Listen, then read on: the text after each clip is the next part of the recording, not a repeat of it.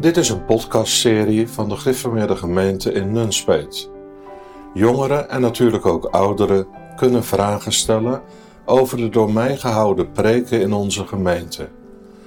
Deze vragen worden dan in deze podcastserie door mij beantwoord. We hopen dat de Heer ook dit middel wil gebruiken tot de uitbreiding van zijn koninkrijk en dat het tot verduidelijking en verder onderzoek mag dienen.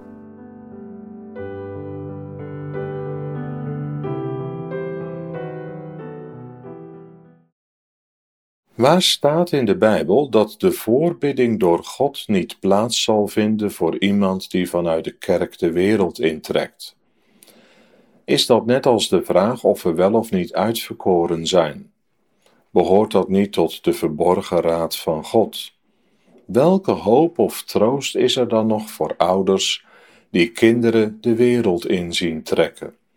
Ons gebed lijkt dan ook ondergeschikt. Deze vraag gaat terug op de preken die op de biddag zijn gehouden over het hoge priesterlijke gebed. En dan zegt de Heer Jezus inderdaad: Ik bid niet voor de wereld, maar voor degene die gij mij gegeven hebt.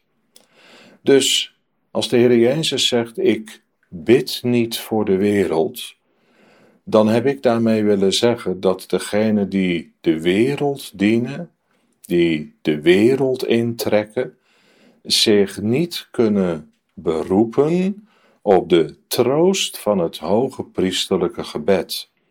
Want de Heer Jezus zegt: Ik bid niet voor de wereld.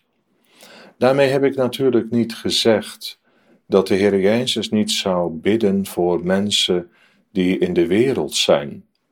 Want de Heer Jezus bidt om de uitbreiding van zijn koninkrijk. Hij bidt om de toebrenging van de zijne. Hij zegt: Ik heb nog andere schapen die van deze stal niet zijn, en deze moet ik ook toebrengen.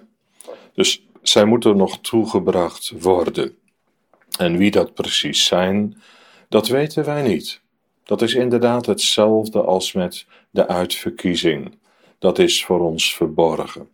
Maar wat ik bedoeld heb te zeggen, we kunnen niet de zonde dienen, we kunnen niet de wereld intrekken en tegelijk ook de troost hebben van het hoge priesterlijke gebed.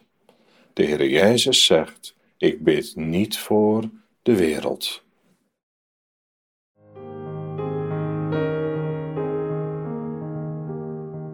Heb jij nu ook een vraag over de preek?